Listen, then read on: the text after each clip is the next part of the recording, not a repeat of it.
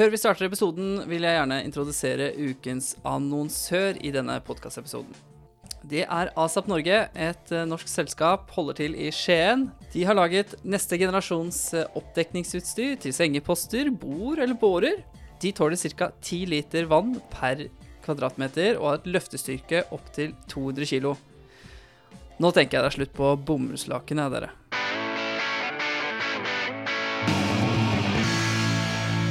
Hei og velkommen til podkasten Du puster for fort.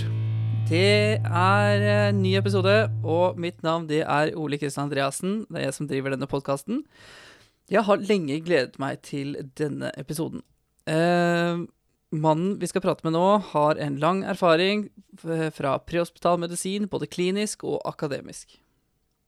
Han er overlege i anestesiologi og er seniorforsker i Stiftelsen Norsk Luftambulanse og førsteamanuensis ved Universitetet i Stavanger. Men fra 2014 til 2016 jobbet Marius Rehn i luftambulansetjenesten i London.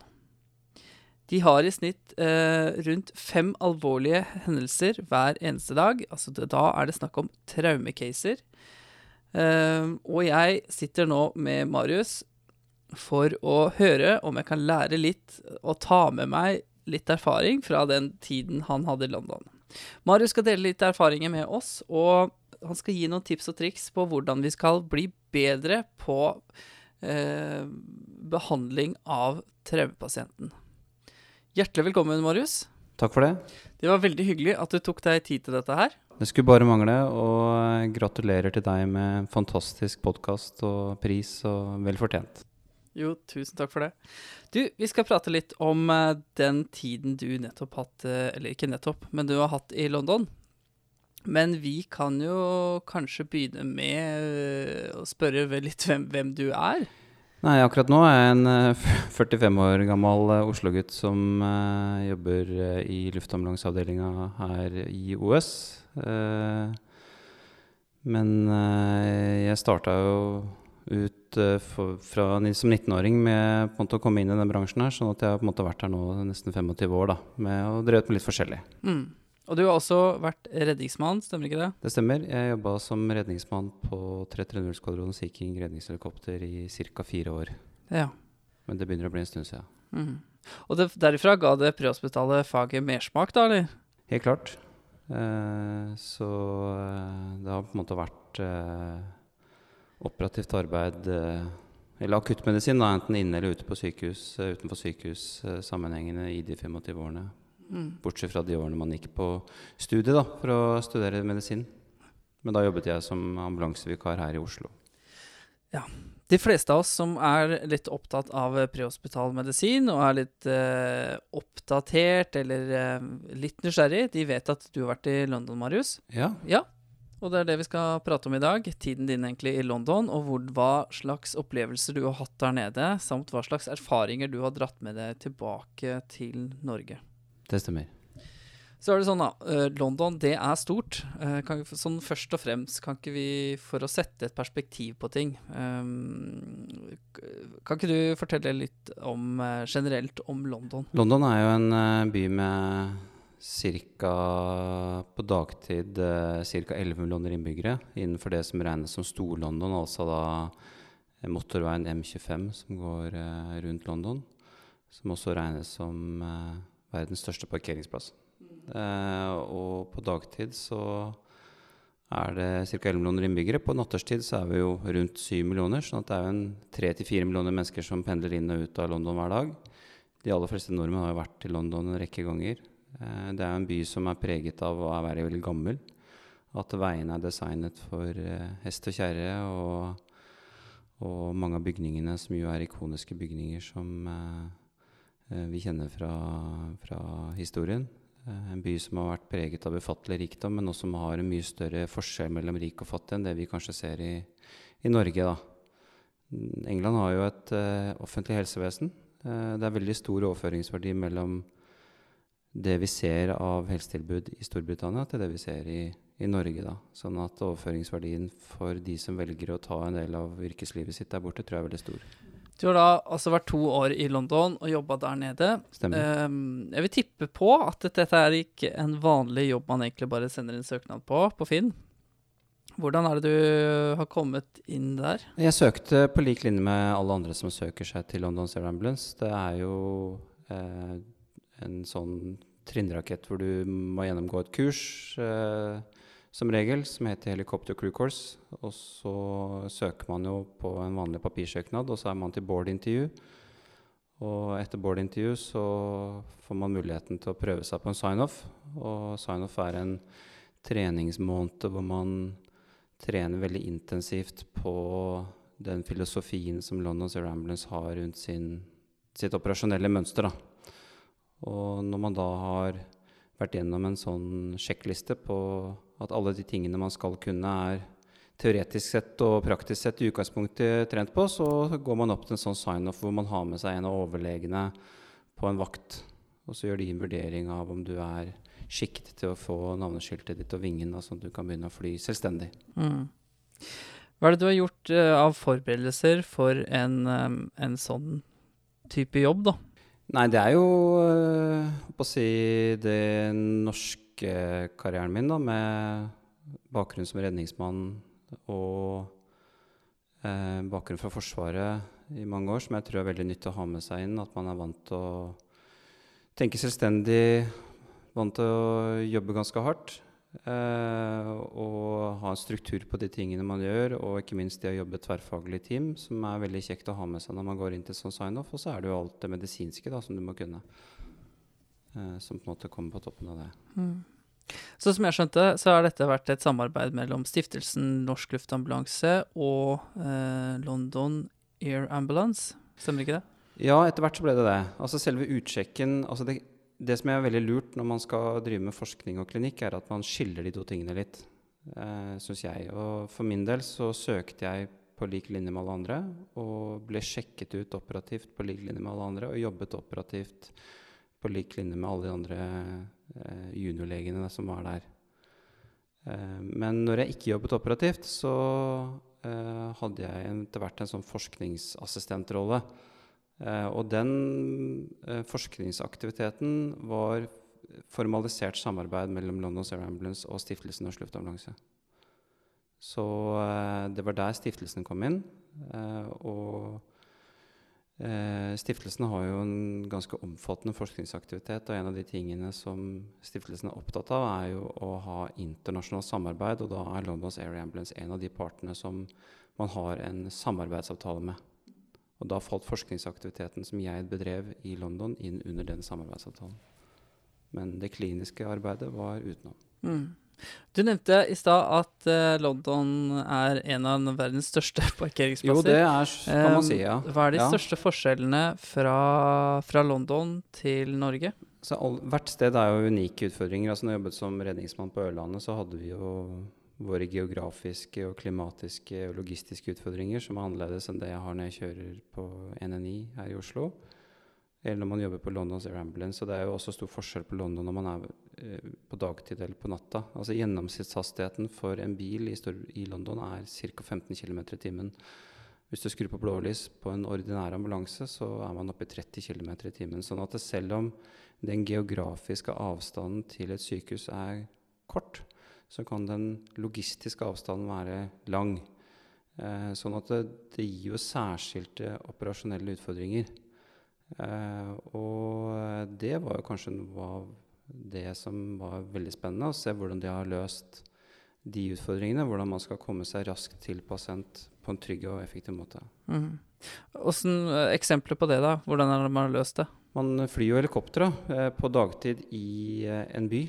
Eh, det er ikke så mange steder man gjør det. Eh, du flyr jo mellom skyskrapere og ser inn i kontorer. og Det er jo det eneste helikopteret jeg har flydd som har sirene. og du lander på parkeringsplasser og golfbaner eller i hager eller på veikryss. og hopper ut og har da kanskje en liten løpetur til pasienten. og flytiden da er veldig kort.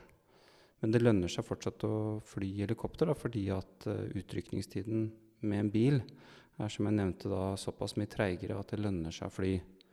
Men når du da kommer fram dit, så kan det ofte være sånn at du I de aller fleste tilfellene så laster du da pasienten i en ambulanse og følger da med pasienten inn til en av de fire traumesentrene i London. Så sånn som her i Oslo så har vi jo Ullevål, mens i London så har du fire sentre, ett som ligger i hver himmelretning. Mm. Og det må vi nevne også, vi gjorde det i starten, men dette er eh, en, en, et um, Altså, de kjører bare traume... Ja. Case, altså det er bare traumescenarioer, da. Stort sett traumen. Kjører ikke medisinske um, kasustikker i det hele tatt. Det stemmer. Det er mange forskjeller fra tjenesten der til tjenesten vår, men det er kanskje en av de største. Sånn at det er utelukkende traumecaser. Nå hender det jo at det sniker seg en medisinsk case eller en kombinert medisinsk traumecase med et infarkt som har kjørt av veien, eller Men uh, majoriteten av casene er jo traumepasienter. Okay. Kan, kan, du si noe om mengden oppdrag der nede? Altså, I London så har de til AMK eh, 6000 nødtelefoner i snitt per dag. Og så er jo eh, London er jo også eh, AMK-koordinert av sine egne. Sånn at de Hemisparamedicene som jobber på Londons Ramblings, de bytter også på å sitte i AMK. Og det betyr at det er veldig høy treffsikkerhet på de turene som du blir sendt ut på. Fordi at du blir sendt ut av folk som vet hva du kan tilføre. Og de er også flinke til å spørre de riktige spørsmålene. Altså dette er øh, veldig erfarne klini altså klinikere med, som kan avhøre og stille, stille de riktige spørsmålene. Sånn at treffsikkerheten på turen er veldig høy. Og jeg tror i snitt at London Ambulance tar fem turer per dag. I snitt. Jeg har ikke sett de siste tallene, men sånn grovt sett så er det det. Og da er det jo veldig høy alvorlighetsgrad, fordi det er jo da 11 millioner innbyggere på dagtid og én legebemannet enhet. Mm. Du har jo fått en enorm erfaring da, på, på traumer. Um, dette er virkelig syke pasienter dere reiser til? Ja, også over to år så får man jo en, eh, en, et volum. Eh, fordelen med det er jo at du kan etter hvert få litt sånn mønstergjenkjenning. Eh, at du etter hvert får en økt båndbredde som gjør at du kan få med deg andre ting ved en case som du kanskje ikke fikk med deg de ti første gangene du hadde en hodeskade som du intuberte. Så Eh, kan man etter hvert lene seg mer på at man har gjort det før, og da får man med seg andre nyanser i selve casen. Eh, og så er det jo ting som har et høyere volum som ikke vi ser så ofte i Norge. da, altså Særlig knivstikking og, og T-baneulykker, kanskje. Eh, som er eh, Altså I Oslo så tror jeg nok at eh, frekvensen, hvis du ser teller nevner, så er den nok ganske lik som det vi har i London, eh, med tanke på knivstikking og jernbaneulykker. Men i og med at du har en mye høyere nevner, da, så blir jo volumet, i og med at du bare har én tjeneste, så mye høyere. Sånn at det, i snitt så kan du vel si at du har kanskje én knivstikking per vakt. I London så er det vel en knivstikking et sted mellom fem til ti knivstikking per dag. Nå er det mange av de knivstikkingene du aldri rykker ut på fordi du er på feil plassert eller det er eh, mindre skader. Men uh, en del av de er veldig alvorlige. Eh, nå har du jobba i en tjeneste der var det et enormt, eller stort volum med, med, traumer. Um, jeg tror nok ingen av eh, stasjonene her i Norge har så stort volum at de kan skryte på seg at, uh, at de blir gode på, på traumen. Men hva er det du kan si til de som ønsker å bli bedre både på traumeundersøkelse og behandle, uh, behandle traumepasienten? Jeg tror um det er gjort utrolig mye i en god traumebehandling hvis man har orden på det grunnleggende. At hvis du er veldig sikker på hvor du har alt utstyret ditt, at du er i stand til å kunne sette sammen eh, infusjonsposen raskt, og at du kan koble opp det ulike utstyret ditt, at du vet hvor alt er. At du er nøye med å sjekke bilen din hver gang du går på vakt. At du er flink til å kanalere raskt. Og jeg mener kanalering gjør vi på mange pasienter som ikke er traumepasienter, men at du treffer på første forsøk, og at du har en systematikk i det du gjør. Og mye av systematikken kan vi jo trene inn på dokker. Vi trenger ikke noe avansert uh, Simman. Du kan ha en havarert uh, dokke som man kan uh, herje med, og den viktigste simulatoren den har du inni hodet ditt. Enkle scenarioer, systematisk samme tilnærming, og, og ikke minst at man prøver å kanskje benytte seg av en del av de prinsippene som man har innenfor traumatologien, også på måten man undersøker og behandler medisinske pasienter på. Mm. Og den der heier jeg veldig på. Uh, jeg har veldig tro på det her med, med trening og uh, trene og simulere. Og lage caser bare ved enkle ting, da, med, med å ha en dokke og kjøre en uh, traumeundersøkelse eller kjøre en avansert eller kjøre en prosedyre. Og, og, sånn at dette her sitter i ryggmargen. Helt klart. Og uh, selv i London, da, som har et uh, veldig høyt volum, så er jo det å prøve å gjennomføre en sånn simulering uh, per vakt er et mål, da. Sånn at selv Altså, det er ingen som er for fine til å ikke trene. det er ingen som har jobbet lenge nok til at man ikke har noe å lære av en enkel simulering. Og noen ganger så kan det også bare være å holde kunnskap ved like. En annen ting er at du jobber med forskjellige makkere på veldig mange skift, og da er det også å bli kjent med hverandre en fin måte å gjøre det på gjennom simulering. Mange baser i dag har det jo såpass rolig at det å få simulert, det er noe man som regel får tid til. Mm. Morsomt at du sier dette her med makkere også, fordi eh, det er viktig å bruke de du har rundt deg, tenker jeg. Eh, fordi alle sitter med én erfaring, eh, og alle har noe å lære av hverandre, uansett hva det er for noe. Og dra opp eh, caser ved frokostbordet eller ved, ved, om morgenen ved kaffen, eller eh, på vei hjem fra oppdrag. Eh, dra opp vanskelige caser og, og, og, snakke om de, og ha en debrief på dem, uten at det er veldig stor at det skal på en måte være noe stort noe? Absolutt. Altså, de fleste tjenester eh, i verden har jo strukturerte møter hvor man går gjennom caser og diskuterer i plenum med en litt sånn konstruktiv, men allikevel veldig ærlig tilbakemelding på hva man har gjort. Eh, I Norge er nok ikke det så utbredt, men jeg må innrømme at det Altså sånne DND-meetings, altså det kalles for death and disability, det er jo type eh, møter som man lærer veldig mye av. Fordi at eh, en smart mann lærer av sine egne feil, men et geni lærer jo andres. Og eh, jeg har aldri hatt en case som jeg har gjort hvor jeg ikke har hatt noe forbedringspotensial. Det er alltid noe jeg kunne gjort bedre på hver eneste case jeg gjør, og da handler det om å snu hver eneste stein på hvert eneste oppdrag og prøve å tenke hva jeg kunne gjort annerledes. Og i den prosessen så lærer man jo veldig mye av å høre på andre og få innspill fra andre kollegaer som kanskje har opplevd noe tilsvarende på en annen pasient, hvor de løste det på en annen måte og fikk et annet resultat. Mm. Du, nå har du vært i London i to år. Du har eh, drevet med sexy prosedyrer som eh, reboa og torakotomier. Ganske omdiskutert også, ja. eh, prosedyrer. Så kommer du da tilbake til Norge. Mm. Eh, hva slags erfaringer har du dratt med deg, og hva er det du har tatt med deg tilbake fra eh, den tiden du har hatt i London? Det er jo ting som man gjør mer i London som man ikke gjør i Oslo. Altså, det er særskilt det med penetrerende vold, altså kniv- og skuddskader, eh, som vi jo gudskjelov ikke har så høyt volum av i Norge. Og så er det dette med jernbaneulykker, da, som jo er spesifikt for London med mye T-banerelatert. Uh, men uh, nei, altså jeg tror alle har godt av å jobbe litt utenom sitt eget land og sin, utenom sin egen tjeneste i løpet av karrieren et par ganger. Man uh, setter sin egen tjeneste i perspektiv, og, og, veldig mye av det jeg opplevde fra tida i London, var jo også en bekreftelse på at veldig mye av det vi gjør i Norge, er veldig bra.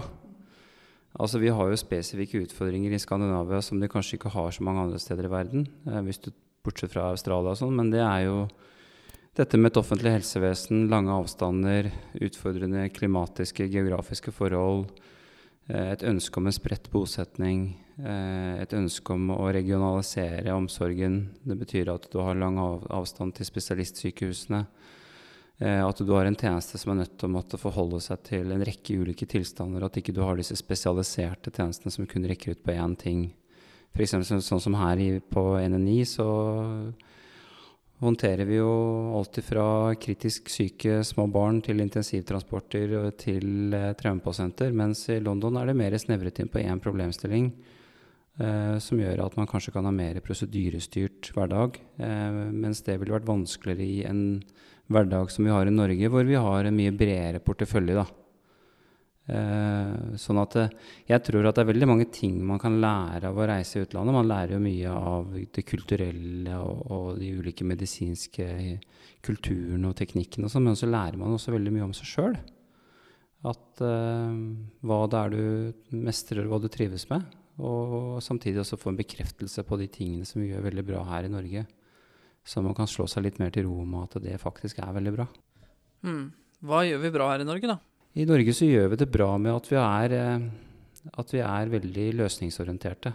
Vi har kort vei mellom en utfordring og en eller annen løsning. Vi har en veldig flat uh, struktur når det gjelder beslutninger. Vi er, uh, uh, vi er flinke til å improvisere. Og vi har et generelt sett veldig høyt utdanningsnivå på de som jobber utenfor sykehuset i Norge. Pluss at vi har jo myndigheter som er villige til å satse på det. hvor de ser at det å ha lik tilgang til helsehjelp er et viktig politisk mål. Sånn at folk kan få lov til å bo andre steder enn i byen og fortsatt få hjelp. Og uh, den uh, spesialisthelsetjenesten de trenger til huset sitt. Og det er jo en, uh, en ganske sånn særnorsk eller særskandinavisk tradisjon. med at man da flytter kompetansen ut. Da. Og det syns jeg er veldig bra med Norge. Mm. Og nå glir vi egentlig inn på neste spørsmål, som jeg har lyst til å spørre deg. Eh, jeg lurer litt på kompetansenivåforskjellene på, i Norge kontra, kontra, i London, da. Mm. Nå kjenner du både prehospitalt personell her i eh, Norge og i London. Eh, kan du si noe om det? De har jo, sånn som i London, så har de jo et ekstremt høyt volum. Men de er nok plaget av mye av, av det som vi også ser kan være en slitasje på mange av de prehospitale enhetene i Norge. At du har mye lavakutturer, mye sosialt eh, som, eh, som eh, blir håndtert av en ambulansetjeneste som kanskje heller burde håndtert av andre typer tjenester. Eh, men det de har f.eks. i London, er at de har et, eh, altså de har et teknikernivå, altså ambulansetekniker, og så har de et paramedic-nivå, og så har de et nivå over det, som er disse APPs, altså Advanced Paramedic Practitioners, som har da en utvidet verktøykasse både med tanke på prosedyrer, altså i forhold til torokostomi, intubasjon, sedasjon med ketamin, midazolam. Eh, de kan pace pasienter. De har en del ting som i Norge er utelukkende forbeholdt eh, legebemanna utrykningstjenester. Mens i London, hvor de da har svært få leger som jobber ute, så er det delegert til ambulansetjenesten. Og det er kanskje en av de største for forskjellene. Det at de har dette supersjiktet med APPs, som på en måte er en slags ekvivalent til disse critical care paramedics som man kan se i Australia. Ellers så er jo nivået på teknikere og paramedics veldig likt som det vi har i Norge. Og de har et uh, veldig stort, omfattende rekrutteringsprogram da, i Londons Ambulance Service, hvor i den perioden jeg var der, så rekrutterte de mange utenlandske paramedics uh, fordi de hadde mangel av britiske paramedics. Da, sånn at jeg traff jo både svenske, danske kollegaer på gata som jobbet i Londons Ambulance Service, og de hadde hele klasser med australske paramedics som kom over og jobbet i London et par år før de reiste tilbake igjen. Og det er jo en mulighet som er veldig åpen for nordmenn også. sånn at hvis det er norske paramedics som ønsker å jobbe en periode av livet sitt i utlandet, så har man jo eh, mulighet for det. Eh, nå vet jeg ikke hvordan den politiske situasjonen i Storbritannia kan endre seg på det i forhold til brexit og sånn, men fram til nå har det i hvert fall vært en meget reell mulighet, da. Og nå tipper jeg det kommer til å gå opp et lys for mange av lytterne om at uh, uh, de har lyst til å prøve noe nytt nå, kanskje i utlandet. Hvordan går det frem da? Ja, og det er jo hvis man går på hjemmesiden til London Ambulance Service og tar kontakt med de der, så vet jeg i hvert fall at den perioden jeg var der fra 2014 til 2016, så rekrutterte de omfattende internasjonalt. da. Og om de fortsatt gjør det, det er jeg usikker på, men uh, det vil ikke overraske meg. Mm. Jeg har lyst til å prate med deg om en ting til. Du har fått mye skryt av uh, kolleger som jeg har snakka med tidligere, uh, og sier at kjørekulturen i forhold til hvordan du navigerer og sånt nå, har vært ekstremt bra. Hvordan gjør de det i London og ja? ja I London Ambulance bruker jo helikopter eh, på dagtid når det er sånne såkalte VFR-forhold, altså Visual eh, Flight Rules, eh, på dagtid, eller når det er sånn IFR, Instrumental Flight Rules, så eh, bruker de bil. Og eh, paramedicene som jobber på helikopteret og på bilen, de klarer ikke å kjenne London. Det er jo en by som er for stor til at du klarer å vite hvor alt er. Og en vanlig satellittnavigasjon vil jo kun vise deg de rutene som er lovlig å ta, sånn at man er nødt til å forholde seg til en rekke andre veier. Og sånn som de har løst det på i London, er at det er legen som navigerer eh, paramedicen eh, til oppdraget. Eh, gjennom da å, lese, bruke standardiserte fraser. Da. Det gjør at paramedicen har muligheten til å kunne se ut av frontruta under hele turen. Alt av navigasjonshjelpemidler er tiltet vekk fra medicen, sånn at medicen vil ikke se det fysisk, med mindre du beveger deg aktivt i kupeen. Og det eneste du gjør, er å kjøre på eh, verbale kommandoer fra legen. Og det er jo en slags type ting, et, et, prinsipp som de har hentet fra motorsport. Eh, og det etter min oppfatning øker både hastigheten og sikkerheten da, i utrykningen. Men det setter jo mye større krav til legen. Og jeg må innrømme at en av de mest utfordrende delene av utsjekken min der borte, var jo det å måtte uh, lage meg en rute fra A til B eh, på en tidskritisk pasient, og jeg skulle lese noter for en bil som kjører på venstre side av veien veldig fort. Uh, det krever uh, forholdsvis stor andel av hjernen min. Da, når vi, men samtidig, når vi begynte å få det til, og disse tingene begynte å sitte, så var det en ekstremt morsom del av den operative virksomheten. Uh, jeg opplevde at det økte sikkerheten betydelig. Og vi kunne holde en veldig mye høyere gjennomsnittshastighet enn det de ordinære ambulansene gjorde. Mm. Og Medicen har jo da full kontroll på det som skjer på veien? Medicen har fullt fokus uh, ut av frontruta. Uh, kjører utelukkende på verbale kommandoer. Og da teller vi jo f.eks. ned til kryss og til rundkjøringer, sånn at du har mulighet til å posisjonere bilen for å kunne ha en perfekt tangent inn og ut av en eller annen sving, eller hvor du skal, da. Og um, hvis du kjører på en femfelts motorvei, så det er klart, da er det et poeng. Um, en annen ting er at de opererer med et konsept som heter mission concealment. altså Dvs. Si at uh, på et biloppdrag så vil eh, paramedicen da eh, ikke vite hva det er du kjører på. Det eneste du får beskjed om, er at du har fått et oppdrag. Legen vet hva du skal på. I bilen mens man kjører ut, så foregår det i utgangspunktet veldig lite kommunikasjon. Uh, og når du nærmer deg stedet, så de siste kanskje 100-200 meterne, så vil legen fortelle medikken, ok, vi skal på, på en knivstikking. Dette her er eh, kanskje ikke knivstikking, for det er noen spesielle sikkerhetsmessige ting som du går på, men at vi skal på en som har hoppet fra en bygning eller blitt overkjørt av et tog. Og sånn at medikken kan kjøre likt hver eneste gang, da, ikke sant? Ja, at det, og det tror jeg nok stemmer at man blir nok litt påvirket på kjøringen etter hva man skal ut på. Ja, det er jo klart. Det kjenner du deg sikkert igjen i. Jeg kjenner meg igjen i det. altså, jeg må si det. Og tanken er at det, altså andres nød, er ikke din nød. Og jeg tror at det er et sikkerhetsmessig smart politikk. Særlig da i et miljø som London, som er såpass krevende sånn trafikkmessig. Da. Det er ikke sikkert at dette er like relevant på en tjeneste uh, på en tjeneste som er uh, mye mer rural. da så vil det være uhensiktsmessig hvor det er en direkte kommunikasjon over radioen hele tiden. Mens i London så var det et prinsipp som var gjennomarbeida. Unntakene er naturligvis når du skal på noe som er relatert til vold, hvor du er nødt til å ta på deg skuddsikker vest. Da. da får du beskjed fra AMK at du skal på en voldshendelse, og da vet du for så vidt litt hva du skal på. Og da tar du på skuddsikker vest. Mm. Du har jo også skrevet noen artikler om dette her, så vi tenkte mm. vi kan legge med um, om akkurat denne kjøredelen.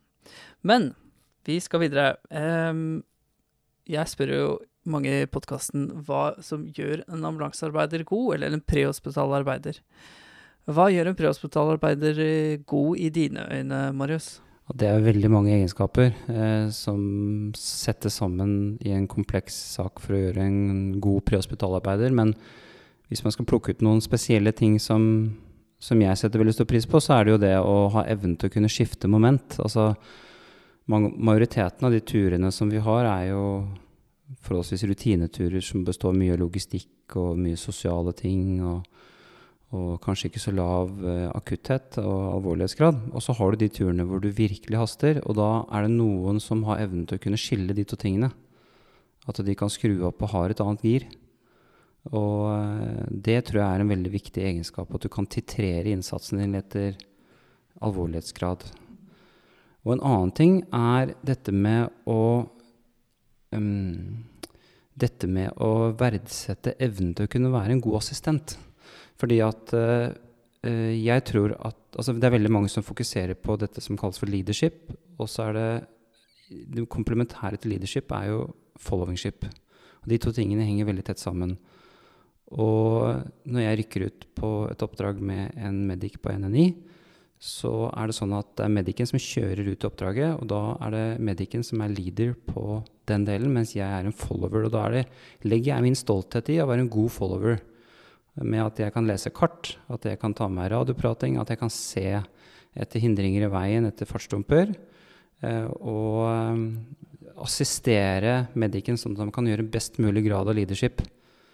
Eh, når vi kommer fram på skadestedet, så er det paramedicen som tar ansvar for mye av det sikkerhetsmessige initielt, og da er det min oppgave å være en god eh, assistent å gjøre god followingship. Når vi kommer til primærundersøkelsen, så er det som regel jeg som gjennomfører den, og da er det jeg som har leadership, mens paramedicen har followingship. Og da kan det være ting jeg overser, som da medicen kan påpeke, og så kan vi sammen da komme fram til et godt resultat, men det er jeg som har ansvaret. Og sånn veksler man egentlig gjennom et helt oppdrag med å ha leadership og followingship. Og jeg tror at det ene er minst like viktig som det andre. Og jeg tror at en god prehospitalarbeider ikke ser på det å være follower som noe negativt, men heller en viktig rolle. At det er ikke om å gjøre å ha mest mulig leadership. Du skal ha leadership der du eh, skal ha det, men i de områdene hvor det er andre som har leadership, så har man en plikt til å være en god follower. Og det er de som forstår det, de eh, klarer å skape synergi som gjør at eh, lege pluss medic er mer enn én pluss én. Det er tre. Det er, ikke, det er, ikke, to, det er tre, det er fire, det er fem. Det tror jeg er Det var en lang forklaring på en egenskap som jeg setter veldig stor pris på. I hvert fall. Altså de som kan gi god followership. Mm. Og dette tenker jeg at man kan dra opp i hvert eneste oppdrag. Hvert eneste oppdrag. Det, om det er i den verste traumecasen, eller ja. om det er eh, på en måte bare en transport fra, fra, sykehus til sykehjem. Det kan man, og det kan man gjøre på caser hvor uh, man endrer den ordinære rekkefølgen på leadership, followingship uh, osv. Men uh, man må hele tiden ha fokus på hva er det som pasienten trenger og at det er viktigere enn min egen oppfattelse av mitt eget ego. Eh, det er pasientens kvaliteten på den behandlingen pasienten får. Og eh, hvis man har det som en holdning i bånn, så har man etter min oppfatning mange av de viktigste verktøyene som skal til for å bli en god prehospitalarbeider. Mm. Marius, jeg tror vi runder av her. Okay. Tusen hjertelig takk for at du ville komme og dele noen erfaringer med oss, eh, Marius. Det har vært uh, kjempespennende. Jeg tror alle kan få noe ut av akkurat denne podkasten. Så må jeg si at det er veldig stas å sitte ved siden av deg, Marius. Uh, det blir litt sånn starstruck. Tusen hjertelig takk for at du uh, gjør dette her. Og igjen, denne podkasten her er et fantastisk bidrag til utviklingen av norsk akuttmedisin. Og all ære til deg for at du, du gjør dette her. Så tusen takk for at jeg fikk lov til å komme. Hjertelig takk for et uh, hyggelig selskap. Og uh, lover du flere podkaster, Marius? Jeg lover flere. Yes! yes.